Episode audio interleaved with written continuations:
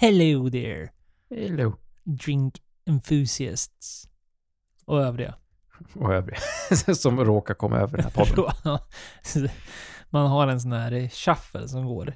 Finns det i podden? Jag Kanske det inte gör förresten. Alltså, jo, jag har varit med. Ibland när jag har spelat något avsnitt, sen är det slut, då kommer det upp ett annat avsnitt från en helt annan. Ja, välkommen du som har gjort det. Hello! De snackar alkohol har hamnat. Så eh, det vet du nu innan du byter. Jaha, Då var det ny vecka, nya möjligheter. snart tredje advent. Ja, just det. Ja, Ja, det är om två dagar. Trevligt. Jag har inte ens tänkt på det. Nej. Känns bra. Ja, ja bra då. Ligger i fas i livet dessa tider. Ja, jag tror det. Få förunnat. Jag tror jag vä- väntar på de sista julklapparna tror jag, så annars är jag ändå klar. Mm. Härligt. Skönt. Du då? Är du klar? Ja, men så gott som faktiskt. Det är eh, lite julklappsspel och sånt där som måste fixas ordning till. Men i det stora hela så är det bra. Det är det. Och det är mycket bra idag. För nu sitter vi här denna fredag och dricker Gott. öl. Öl. Och whisky. Oh vad tråkigt Ja, tänker ni. ja, gud vad tråkigt. Ovanligt. Ja, det är Ome- riktigt synd om. Ovanlighetens skull. Ja, men ja, vad dricker vi då? Vi dricker en eh, Saison DuPont. Öl. Belgisk öl. Klassiker. Ja, riktig Jag tror det är klassiker. många som känner igen de här som är på Ja. 750 milliliter. mm, större, större systembolag i varje fall. Så är det nästan en standard har det blivit. Man ser Ja, dem ofta. det. Trevliga. Väldigt trevliga. Väldigt, ja, väldigt trevlig. Enkel, smaka som de brukar göra. Och Bra. Perfekt för den, här, för den här kvällen. Och sen har vi ju en liten eh, rolig visk. För jag har ju en whiskykalender som vi har pratat om i tidigare avsnitt. Eh, och då dricker vi en eh, Man och More eh, Rare Malts. Eller från Rare Malts. Destillerar 1974. Den 22-åriga. Som då är buteljerat 1997, så det är ju, den börjar ha några år på nacken på flaskan också. Mm. Jag har den ju. Och den smakar ju sannerligen whisky. Absolut. Det här är en whisky. Ja, det, det är kul att dricka gammal whisky också. Mm. Vi gjorde ju det förra avsnittet, fast så sa vi ingenting om det. Nej. Nej, nu höll vi lite hemligt. Men nu outar vi. Outar vi åldersdrickandet. Mm. Ja, men det, det är kul. Whisky är kul, alltid, alltid roligt. Om jag säger Chateau Latour, vad tänker du på då? Vin. Tänker du inte på eh, lyxklockor? Nej, jag tänker inte på oboxat vin. det, det är inga lyxklockor och det är inget boxat vin. När jag hör Chateau Latour. Chateau Latour. Men det är just det de har kommit fram med här, att eh, det vi ska diskutera lite grann, det är hur mer och mer dryckesmärken börjar komma in i modebranschen. Och en av dem är just Chateau Latour, som släpper en eh, lyxklocka, eller dyr klocka, från det schweiziska klockmakaren Girard Perregaux. Skulle jag gissa att det uttalas. Mm, jag med. Och det är ju att de tillverkar en klocka och tittar man på den så ja, den, den ser svindyr och inte jättesnygg ut. Nej, som de oftast gör de här jättedyra modekläderna. De ser liksom inte jätteestetiskt jättetrevliga ut. Utan det skriker ju så lite gammal... eh, Det känns lite, li- lite tantigt, får man säga så? Ja, men det kan jag hålla med om. Lite sån tantigt. Här, ja, ja, men sån här rik, rik dam som har jättemycket smycken på sig och tallrikar på väggarna. Ja, men det kan jag helt hålla med om. Och, alltså, det, På grejen en är- av klockorna ska jag Ja, säga. precis. Sen är det ju flera alltså. Vi Ja. kommer till gubbklockan sen. Nu tar Ja, det, den är, ja, det är en riktig gubbklocka. Och sen vet jag inte liksom hur mycket man ska slå det. Nu har ju inte varken du eller jag jättebra koll på klockor. Det står ju ändå klockurmakarens namn på den och han är ju säkert jättestor i sig. Men det här med att du liksom ska börja associera andra saker med, med just det här. Jag vet inte hur mycket man tänker på det och hur mycket man liksom skulle associera att jo, men självklart köper jag en klocka där det står eh, Latour på. För att jag, jag tycker ju om sånt vin. Det är väl lite ultimata endgamet av premiumization känns det som. Att hela den här lyxuppbyggnaden som vi har pratat om så många gånger, ända sedan vårt första avsnitt, mer eller mindre. När vi pratar premiumization så känns det här som liksom nästa steg till det. Att dryckerna har liksom fått in, fått in sig i lyxmärket och då vill man ta ett steg till. Så att det blir den här lite extra skrytfaktorn. Ja, och det är ju inte bara eh, de här Chateau, Chateau Latour som har kommit fram, utan det är ju även mer andra märken, som till exempel Bombay Sapphire släpper ju liksom en fashion collection som ska passa ihop med deras cocktails och gin. Men den är i alla fall lite frän. Ja, den ser ut som en Den, glas... den här har ju någonting. Vi ska vi se ifall vi lyckas och lägga upp de här. Ska vi göra det nu när det inte är släpp? Ska vi lägga upp dem som en måndagsbild? Ja, det kan vi göra. Så kan vi lägga upp de här bilderna på de här sakerna. Så men kan det- ni men själva jag gillar avgöra. ändå Bombay Sapphire. Ja, mer än klockan i alla fall. Och det tror jag också, ni kommer känna igen den när- naturligtvis när ni ser bilden. Men även om ni inte ser bilden och Bombay Sapphire framför er så är det är ju den här blåa ginflaskan som typ finns i många, många hushåll i varje fall. Så ni har definitivt sett den. Och det är ju en design som faktiskt efter, eftergår den. Men om vi går tillbaks till klockorna. Så har de, Guldklockan eller? ja, en riktig gubbklocka. Ja, det har de. Och den, ja, läd, läderband och sen den ser ut som, det är väl typ granit de har slängt in, alltså som bakstycke istället för det här guldplagerade, eller vad säger man? Ja, eh, fult. Väldigt... Eh, Alltså ja. nu är ju varken du och jag bär ju inte ens klockor, så vi är nog helt för fel personer på att bedöma hur en klocka Nej, men ska vi se är ut. otroligt objektiva i detta. Ja, ja, Så det är vi vi, vi, struntar ju liksom i märkena. Vi vet inte ens vad det här är för, liksom, för, för, för klockmärke som du säger. Det är bara en vanlig klocka som ser ut som den gör. Ja, men lite så är det ju.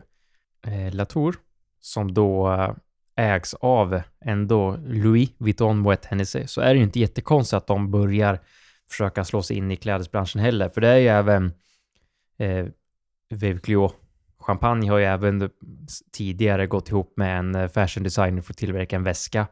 Men det blir ju verkligen det här, jaha, ska liksom nu alla de här lyxmärkena som då ägs av till exempel ja, ett egentligen som är det ju ett eh, modebolag, alltså för att få tillverka modekläder, ska försöka slå sig in och bli en annan. Men det är som att Louis Vuitton skulle släppa en eh, whisky eller ett vin. Det känns lite fel. Ja. Ja, de ska ha lite... No, om de ska ha någonting för det här Chateau Latour så verkar det ju som att det är framtaget till privata konsumenter. Eller hur ska man kalla det för? Alltså välkända återkommande konsumenter för deras egna del och det är de som ska få chansen att köpa de här klockorna. Så det är ingenting som kommer komma upp i varenda butik. Så om du hade hoppats på att åka till ja, närmsta galleria och köpa en sån här så blir det svårt. Och det är bara 18 stycken. Det är 18 stycken av den här gubbklockan och sen tandklockan så verkar det vara ungefär lika många va? Ja, och det står att det tar ungefär 30 timmar att tillverka varje klocka, så han har ju ändå lagt lite tid den här klockmakaren. Ja, men inte jättemycket ändå va, eller? Nej, han kunde lagt mer tid. Ja.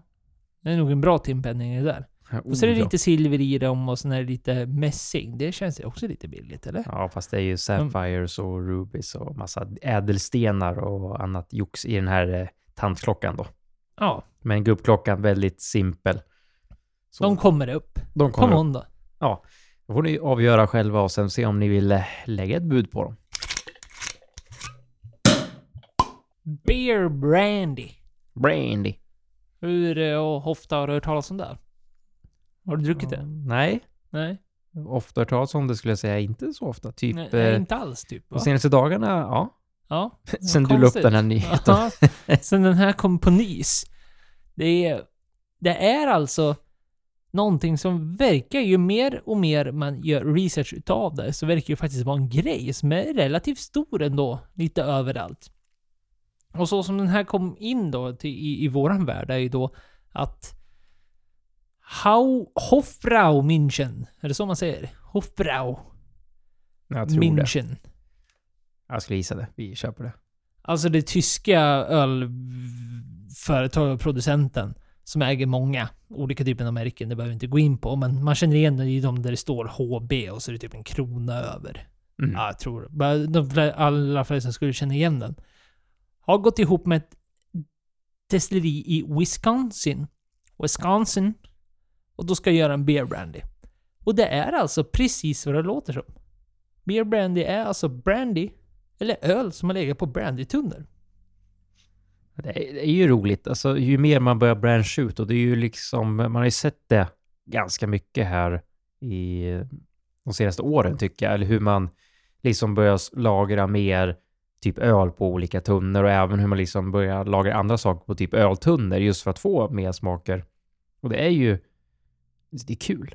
Det är roligt och det är att det liksom händer mer saker, att det faktiskt, de förnyar sig. Eller om man kanske går tillbaks till gamla rötter, men att det liksom kommer tillbaks. Mot att det alltid gör, vi gör en sån här öl, sen är det klart och sen blir det liksom inget mer. Utan nu det faktiskt händer något nytt. Mm. Och just det här med brandy, det ska vi säga så att vi är väl inga jättekonnässörer och eh, det går väl att generalisera att det är många i Sverige som inte är det. Och det är väl kanske därför man missar det här, men det är mycket, mycket mer vanligt i Tyskland. Och det verkar vara väldigt vanligt i Wisconsin att man tar en, en brandy som en avec eller som bara något trevligt på kvällstid att dricka vid. Men det, det är så, brandy är också svårt tycker jag, för att brandy är ju egentligen konjak och armagnac. Eh, bara att det inte får kallas det om det inte tillverkas där, då kallas det brandy. Så det är ju ofta man ser i filmer och sen de säger brandy så vet man ju inte om det bara är en druvsprit eller om det är en konjak eller armagnac. Alltså om de bara säger allt, kallar allt för brandy. För det är också lite typiskt amerikanskt, att de drar alla över en kant. Mm. Och det verkar som att det finns, eh, i alla fall, jag vet inte hur du tolkar det här som, men jag tolkar det lite som att det finns olika typer av varianter också. Där det både blir det här att man har brandy som har haft någon typ av integration med ölen, men också vice versa. Alltså att man säljer öl som har haft någon typ av integration med, med sprit. Det verkar gå liksom lite parallellt. Jag kan inte liksom uttolka vad som är det absolut vanligaste just med beer brandy. Fast det måste ju vara brandy som oftast integreras med öl, eller hur? Ja, jag skulle säga så också. Det, det känns ju som det mest logiska. Sen vet man ju inte ändå om det är så eller inte. Men att eh, det, det är fortfarande en intressant ny grej som börjar komma igång.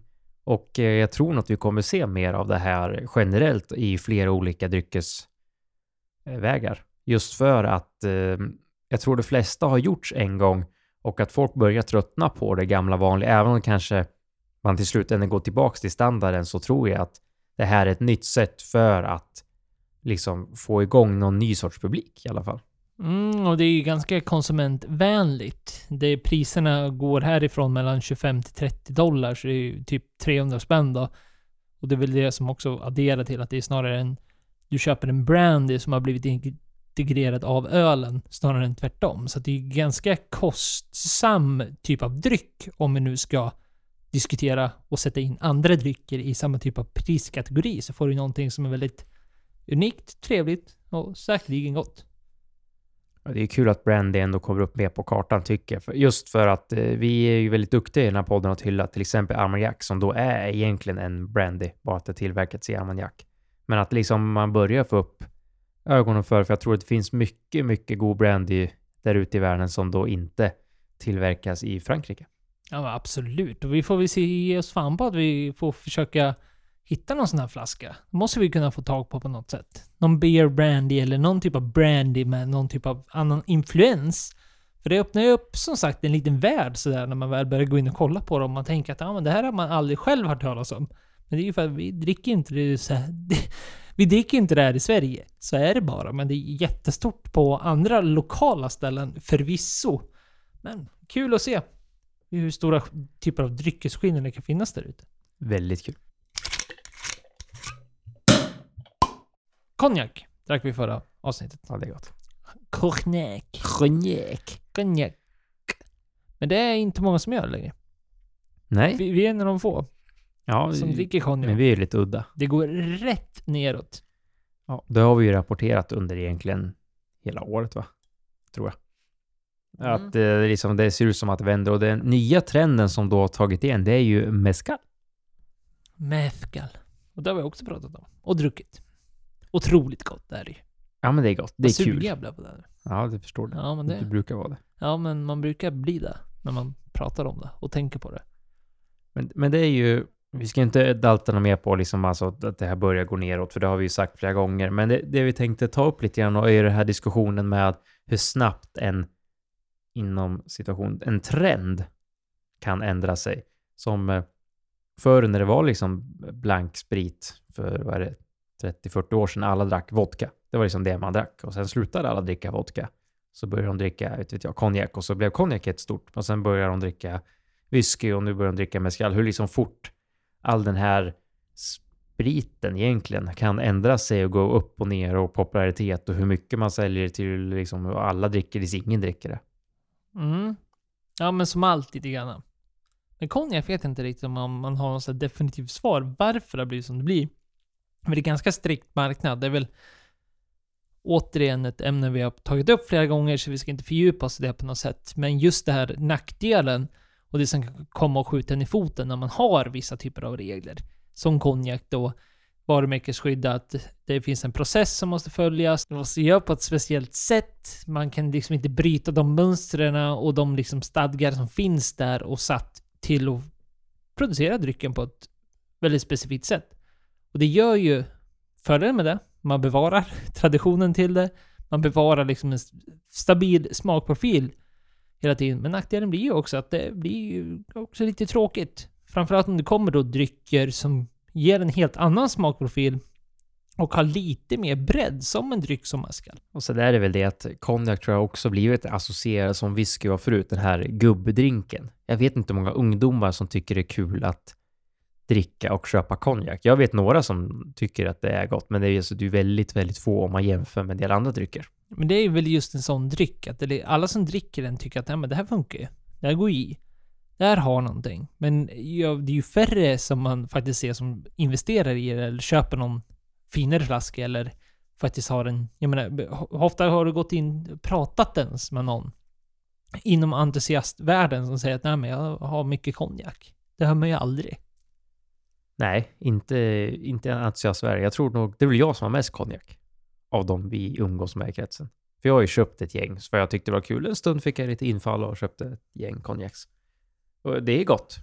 Det är kul, men då är det samma sak där, att man, man vill ju inte köpa de stora husen. Alltså köper du, som förra året drack vi en Remi, eller förra avsnittet, drack vi en Remi Martin XO som kostar nästan 1800 på systemet. Visst, det är en fin flaska, den är ju fin bort present och den, den är kul att stå i hyllan kanske på en drinkvagn för att det ser ju lite exklusivt ut.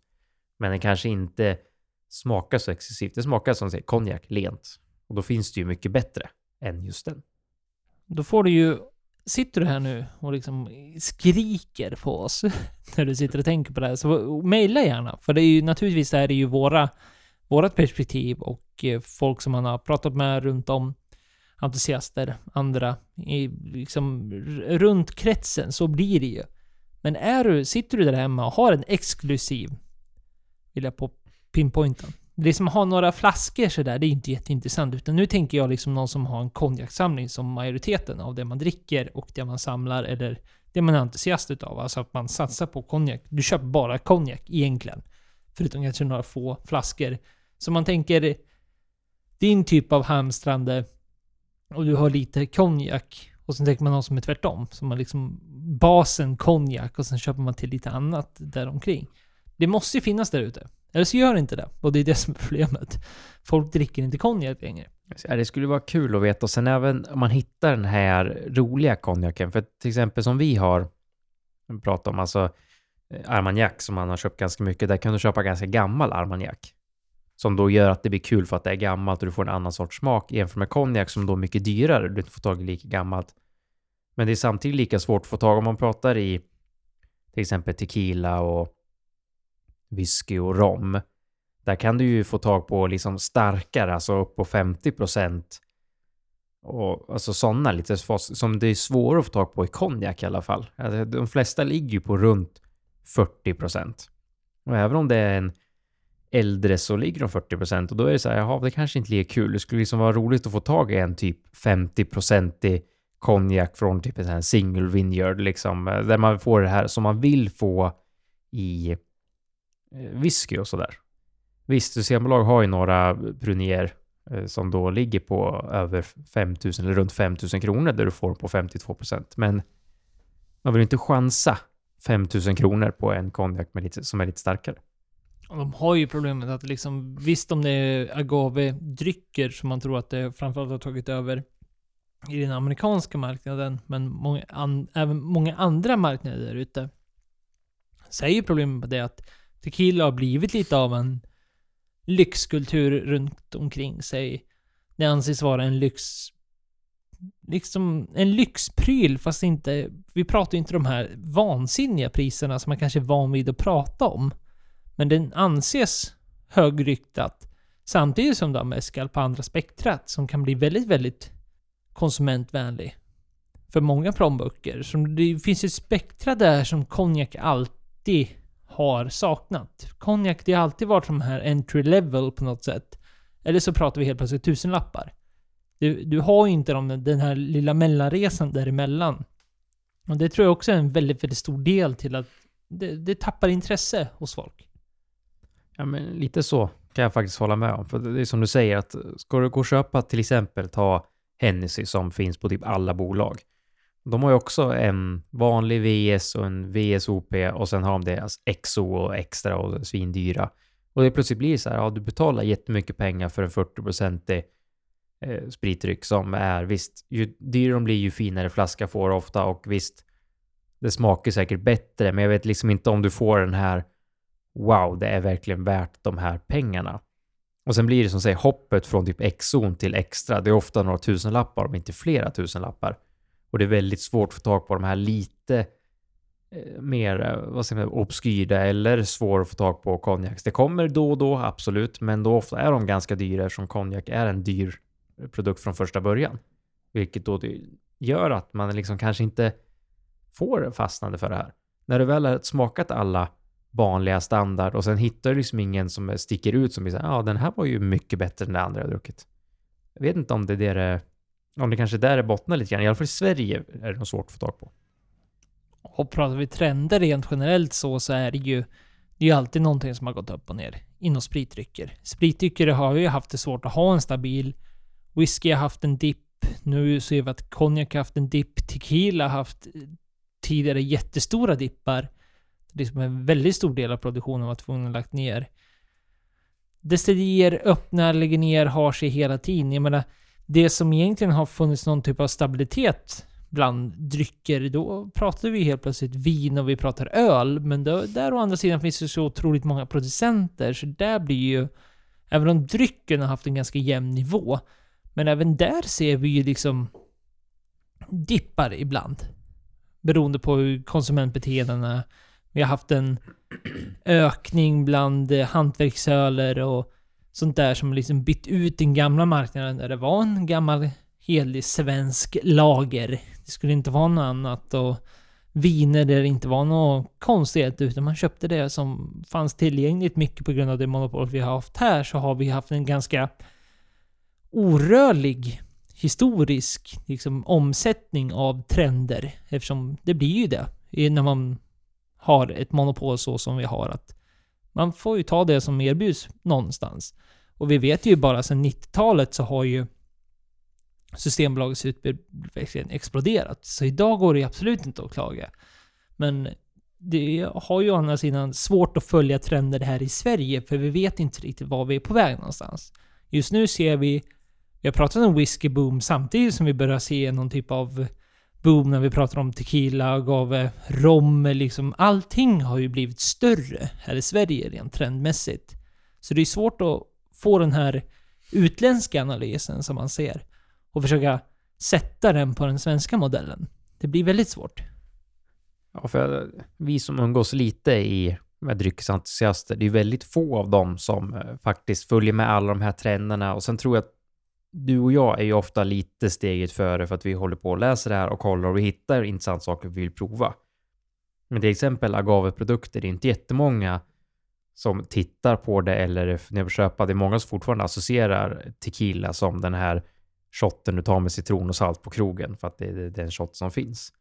Att det är liksom, det, men det börjar ju som säger, det kommer mer och mer och blir premium och det är fler eh, som vi har pratat om tidigare med kändisar som ska bli ambassadörer för tequila för att det, det är det som folk vill ha nu.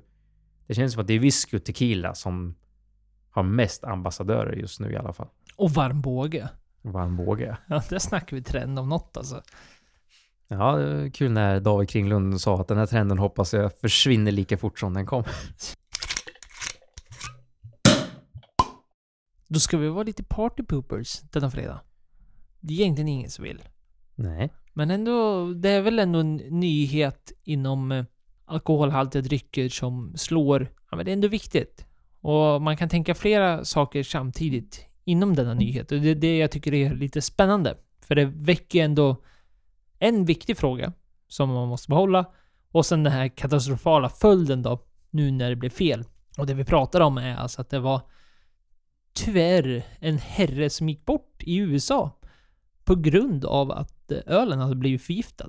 Väldigt, väldigt tragiskt. Alltså, det finns ju inget annat att säga det. Och det är ju ett sätt som man måste verkligen börja tänka på med renligheter på restauranger och krogar. För vi har ju ändå diskuterat restauranger också där eh, vissa har blivit dåliga på grund av eh, saniteten. Och i det här fallet då så var det så att de hade rengjort eh, tapparna. Så att det hade kommit in en städfirma och då hade de då sköljt de här eh, tapparna med någon form av kemikalier. Och det man tror då är, eller man vet i dagsläget, är ju då att de här kemikalierna satt fast i själva tubrören från, från eh, kaggarna upp och den själva tryckslangen, eller vad ska man kalla det för? Slangen räcker väl? Alla fattar att det är en slang där på något, på något, ett eller annat sätt. Och det var ju tyvärr då kemikalier som satt kvar där som var så pass starka och så pass dåliga så att eh, man, det är det som resulterade att den här mannen då tyvärr gick bort. Det var tre stycken totalt som eh, beställde en öl och alla började nästan direkt efter bara någon minut, minut börja spy. Och eh, tyvärr så var det väl då han som började dricka och fick den ölen som var, låg mest i de här och blev drabbad av den här kemikalien. Så de andra två överlevde i varje fall. Det är ju en, en viktig fråga som man då eh, in, kanske inte tänker på så att eh, visst, det kan se rent ut, men det är väldigt lätt att hålla en ren yta ytligt och sen inte se allt eh, under som då döljs bakom bakom dörrar i köken och till exempel i ja, kranarna då. Så att det är ju det är en viktig fråga det här som man kanske måste fundera på lite när man är ute och så. Och sen är det här absolut en jättetragisk nyhet. Det är ju säkert lagar och vad man får använda och inte. Som det här fallet om man blir lite fundersam på vad, vad det kan vara för typ av rengöringsmedel som kan vara så här pass skadligt. Samtidigt som vi, vi har ju ingen bakgrund alls över den här mannen heller. Alltså var det endast därför eller hade, fanns det någon, någon bakomliggande orsaker bakom till att just det blev den reaktionen just för hans del. Vi har inte ens en ålder. Det vi tänkte diskutera lite nu, för att det här kommer ju liksom, det gräver till lite. Så, och då har man liksom det här spektrat, tänker jag. Just så, nu får man verkligen komma ihåg att det går att tänka två saker samtidigt här. Samtidigt som det är en otroligt tragisk händelse, som inte borde hända naturligtvis, att någon går bort på grund av att man försöker rengöra tappar. Samtidigt som att det blir ju också en fråga som man måste hålla någon typ av liv för just hur man ska hantera det där. För det är jättesvårt just med tappar. Sen kanske man inte behöver ha dödliga kemikalier för att göra rent de här tapparna. Samtidigt så är det en jätteviktig fråga där ute som har varit på tapeten flera flertal gånger just med rengörigheterna hos tappar. Att det kommer rapporter till att det är jättetråkigt när man beställer en öl som har en tydligt dålig tapp. Och jag tror det är många som säkert är omedvetet eller medvetet har känt igen den smaken.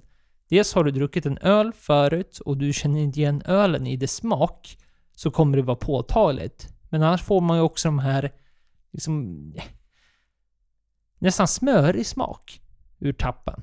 När det väl är dåligt rengjort.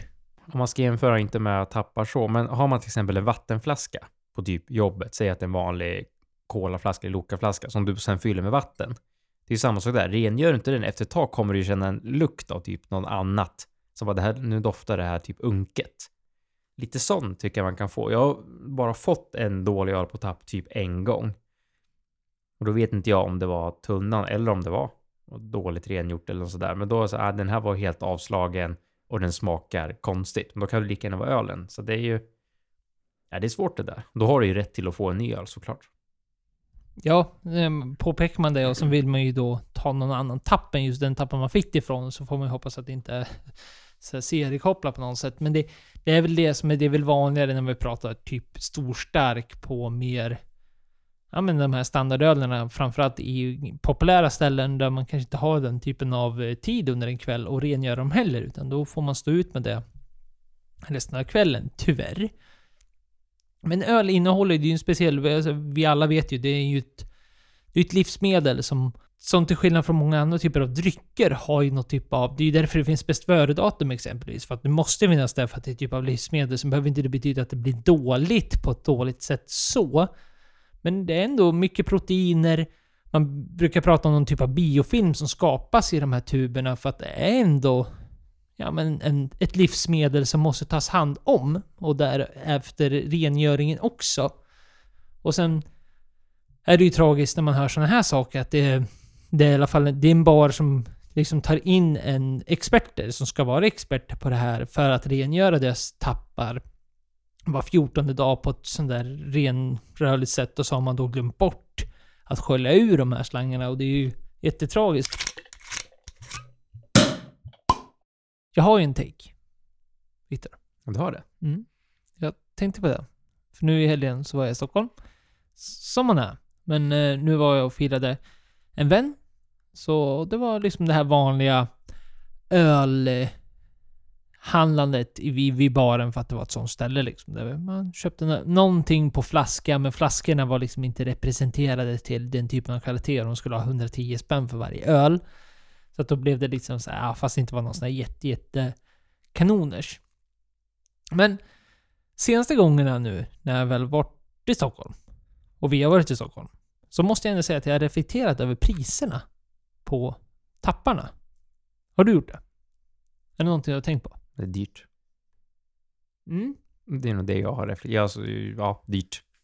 Men taken jag har ifrån, det är liksom, det är dyrt, visst, absolut. Men vilken hoppet som jag ändå vill tyckas var en gång, den har ju blivit mycket, mycket större idag. Och det jag pratar om är alltså, varför ska man få den så kallade stora starken när du beställer den? Då var ju den billig, alltså billbillig. Och då oftast fick du en 04 eller 05 för, ja men runt så 50, 60, 65 kanske. Men nu har jag sett ofta så om jag tar den här, det här stället jag var nu i helgen som ett exempel. Då skulle de ha en 04 Smålands för 75 kronor. För en 04 Smålands. Men sen kunde du beställa en Stella för 85 kronor. Som var en halvliters. Och så kunde du beställa någon mer så här svensk öl som jag inte riktigt kommer ihåg. Men inte det, alltså glappet mellan den billiga standard stora starken. Det som oftast barer har ju oftast någon typ av kontrakt med någon typ av leverantör. Och sen om det är Carlsberg, om det är Falcon eller om det är Norrlands eller om det är Smålands eller vad det var. Är, så brukar det vara ungefär så. Och det, mycket av det ska ju vara då att man... Det är, det är kontrakt till baren och sen får de pengar från de typen av bryggerierna som har de här standardtapparna och de brukar ju då generellt sett vara väldigt, väldigt billiga. Just för att det ska vara den stora starken ute på barerna. Men är inte det, inte det sjukt? Alltså, vad, vad, om du hade beställt, eller om du, du som lyssnar tänker på det. Vad hade du beställt? Hade du beställt en 04 Smålands för 75? Eller hade du beställt en Stella halvliters för 85? 10 spänn mer bara. Ja, jag hade köpt en Stella. Det är ju no-brainer. Eller hur? Ja, ja.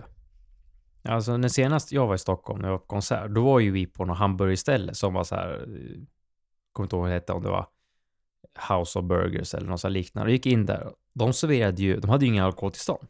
Så det var ju tre femmer. Jag har för mig att de kostade typ 65 kronor för en 3-5 Norrlands, eller Mariestad eller vad det var. Ja, men det är ju konserter. Det är ju... Nej men alltså nej, det här var ju ett ställe i Gamla stan. Jaha. Ja. Inte värt. För jag take två. Igår var jag också i Stockholm samma sak händer. Du kan få välja att köpa en Budvar. Alltså Budvar är tjeckiskt klassiskt lager på flaska. För 65 kronor. Eller så kan du köpa en IPA. Alltså en Rös eller en Sigtuna IPA för 75 kronor. Vad väljer du? Sigtuna. Ja. Men jag menar det, alltså vad, vad är det som händer? Och det här reflekterar jag också över senast jag var i Stockholm när jag var på Madonna. Men alltså vad är det som händer? Alltså har det liksom blivit utfyllnaden där? Att det liksom blir det här att prisgapet till de högre, högre kvalitetsdryckerna, får vi väl ändå kalla det för. Alltså mer smakmässiga och mer vad det kan vara. Det, är liksom, det, det suddas ju ut. Alltså nu pratar jag om två helt säregna, isolerade, som var bara de senaste dagarna, som liksom reflekterade över det här. Att okej, jag betalar 10 kronor mer och jag får en så pass mycket bättre dryckesupplevelse. Det är ju... Ja.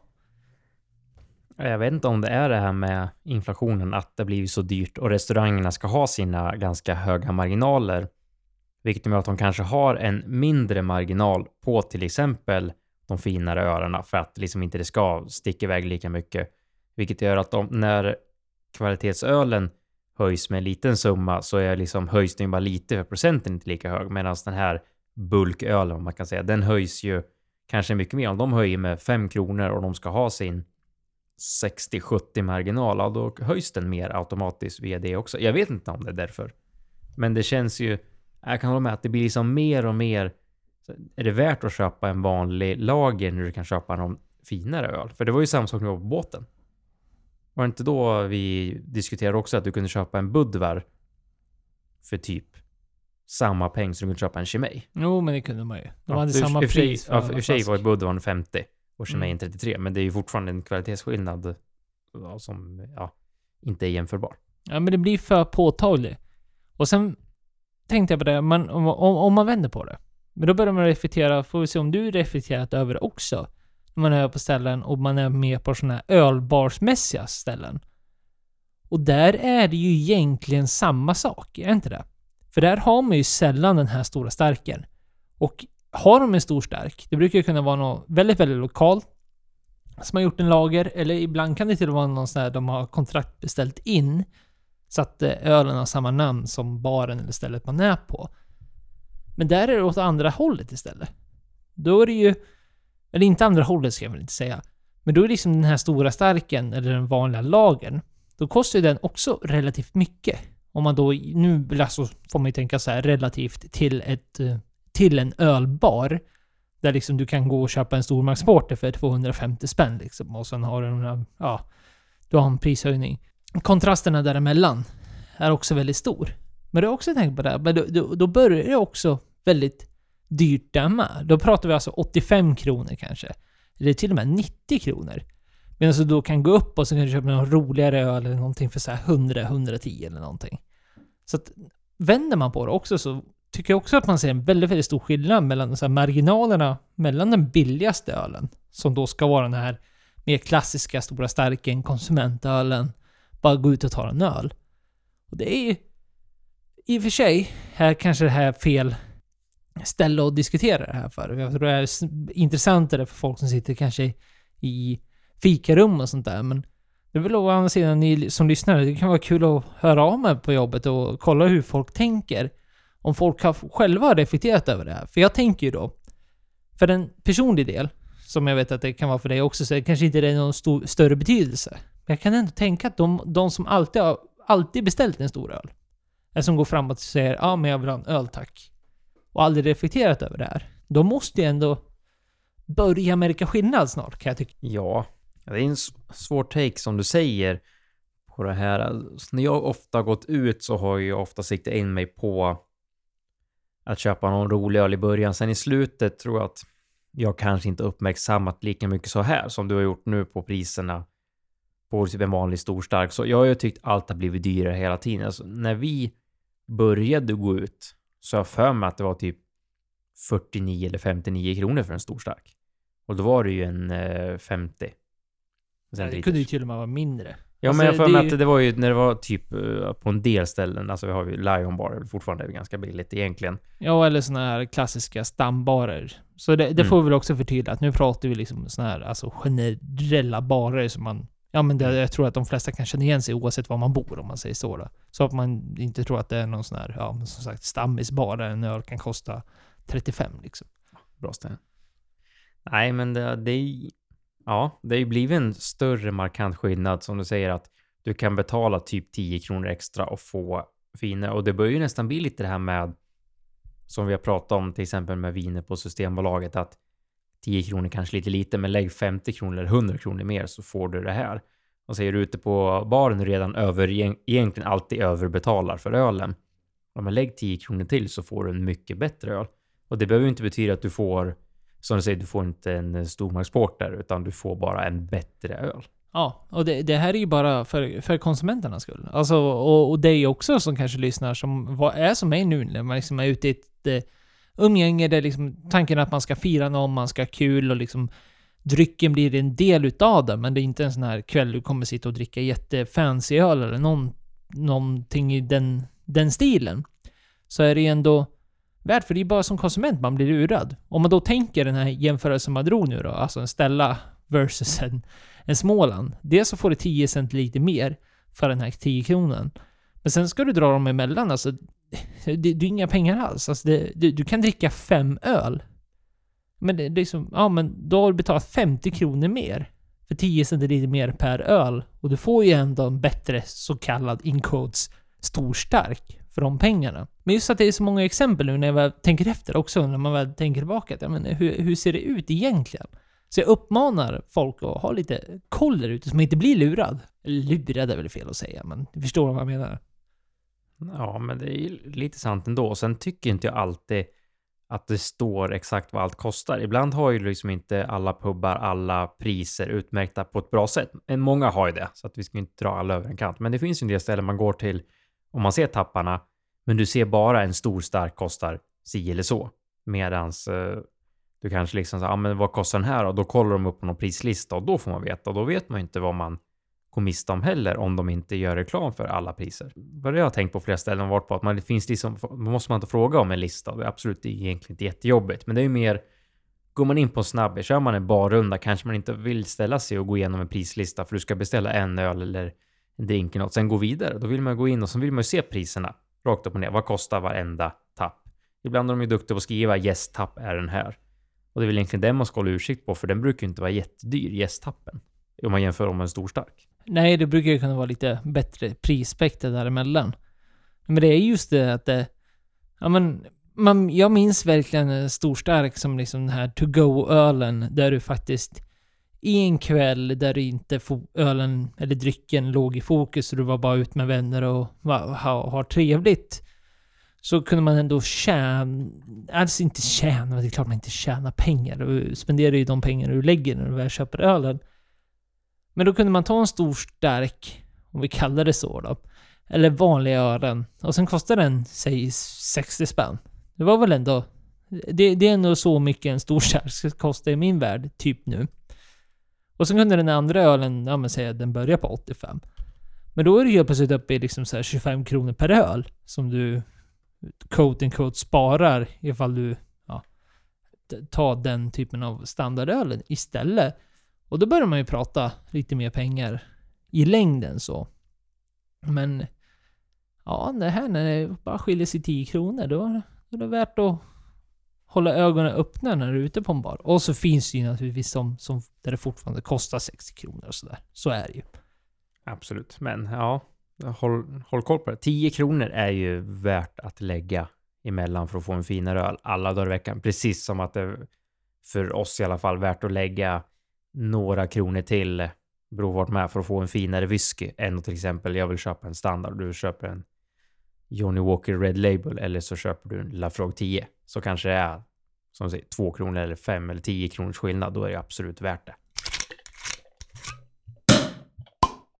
Ja, ja, nog om det. Det var min lilla take och min lilla spaning. Jag skulle inte kalla det för skop, för att det här är ju, det är alldeles för upp och ner beroende på vart i landet du är och beroende på vilken kvarterskrog som du är på så kommer det ha väldigt stora skillnader. Utan nu, nu var det här min upplevelse som ni, ni är kloka lyssnare, det förstår ni också. Att det var ju just de här ställena jag råkade hamna på. Men ändå, ja, som sagt, det är spännande spektrat när man väl vänder på det.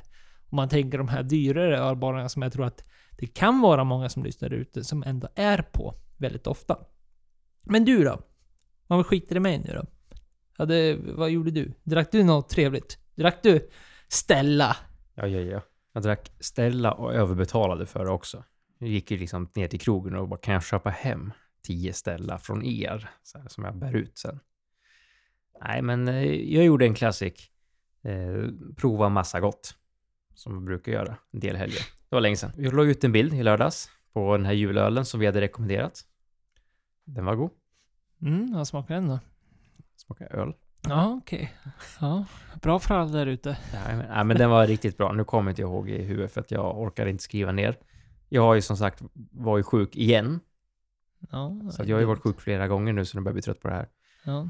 Dags Men- att bli frisk. Ja, det är dags att bli frisk nu. Så det, därför drack jag ganska mycket i lördags. Ja, det brukar inte... man bli frisk på. Ja, jag blev jättefrisk. Mm. Nej, men prova på lite god. Så drack ju den här Pierre Noël. Den var riktigt bra. Så att eh, vi, vi är bra på rekommendationer. Det är det jag vill få ut med Ja, det men här. det är väl klart. Det är klart. Det är väl klart. Och sen drack jag en Fullers Vintage Ale igen. Eh, Och jag, jag skulle säga att den var bättre den här gången, så jag tror jag kan ha haft en liten off förkylningsnos. För jag fick ingen lakris alls nu som jag fick förra gången. Nej, nej men det, den fattar jag faktiskt inte. Det, det, det märkte man ju på mig när, när du väl sa det. Alltså den där lakritsen hittade inte jag alls. Ja, den fick jag Så inte nu den- heller. Jag, jag tyckte att den var bättre nu. Så att, eh, så att ja. Sen är jag fortfarande Var, 2022. var det före eller efter pianoellen? Den var efter pianoellen. Mm. Mm. Mm. Just saying. Och sen så drack jag även en Lafroig eh, Finish Cask från Innisengan som vi också har provat här i podden. För eftersom min har gått ut i datum så får, tänk, tog jag med mig lite god öl, drack lite god öl. Så jag var ju inte själv, utan jag var ju med några andra. Och sen så drack vi även vinet vi har druckit i podden. Eh, det tomtevinet från eh, Fan, Rosetta. du är sån här eh, wrapped fast i... Jajamän. Det snackar alkohol. Jajamän, nu liksom. har jag provat på här. Drickutbud och liksom provat årets. Ja, jag kör, kört på många här nu så att jag tänkte kul, vi åt en god eh, fläskfilégryta. Eller i gryta, jag vet inte vad man säger, den var ju i ugnen också. Ah, ja, skitsamma, med massa ost. Och då är det perfekt med italienskt vin, passar jättebra. Och sen även dragit i ett gäng whiskys. Kul att prova. Provade Macmyras identitet. Den var också väldigt trevlig. Så att eh, Macmyra börjar ju komma upp lite här tycker jag. De har gjort mycket bra släpp här på senare tid, så man ska, man ska nog hålla lite utkik ändå. Många som har varit skeptiker, som fortfarande är skeptiker, att nej, de släpper inget bra. Både den här eh, DNA eller vad den hette. Mm, Ja, kanske jag gjorde. Ja, jag kommer Ja. inte ihåg vad de heter heller. De här två senaste släppen har i alla fall varit väldigt bra. Druckit en Bruichledi Provence. Eh, En single cask, också god. Provade en Benriach, Corno McPhail, också väldigt god. Provade senaste Ardbeg 13 som släpptes här för ett tag sedan. Smaka Ardbeg. Det var inte så jättemycket att hurra för. Det känns som att Ardbeg börjar ju köra en liten decline här. Börjar? Det har de gjort de senaste... Ja, Den här, den här taken har jag haft länge, Viktor. Nu, ja, men, kul men- att du joinar mig. Ja, men eh, jag tänker det här att de släpper sina, hej, hej kom och hjälp mig tänkte jag säga, sina lalla-flaskor med slutlagningar. Det är en hit or miss. För vi pratade om, Blacken var ju bra. Scorchen smakar som en mer rökig Ardbeg. Drummen, ja, Groovesen, helt okej. Och sen börjar de komma med massa annat som är såhär, ja, ja, ja, ja. Och sen släpper de 19-åringen som alltid är jättebra. Men det blir ju det här, ja, så fortsätter de och det blir dyrare och så kommer mer annat och det, det är ju ingen som sticker ut mot en del andra drycker vi har druckit. Som verkligen får den här, där, nu händer någonting, det här är en bra whisky. Nej, de har tappat det sedan några år tillbaka. Så det är lite tråkigt. Ja, ja. Nej, men jag tror vi har någonting där. Alltså, rappen, en, en, det, det, ska, det, det kanske vi måste göra. Som Spotify sen här... Ja, vi, vi snor den idén och låtsas som att vi kom på det själva fast i Det snackar alkohol edition där vi, vad vi har druckit under alla de här avsnitten.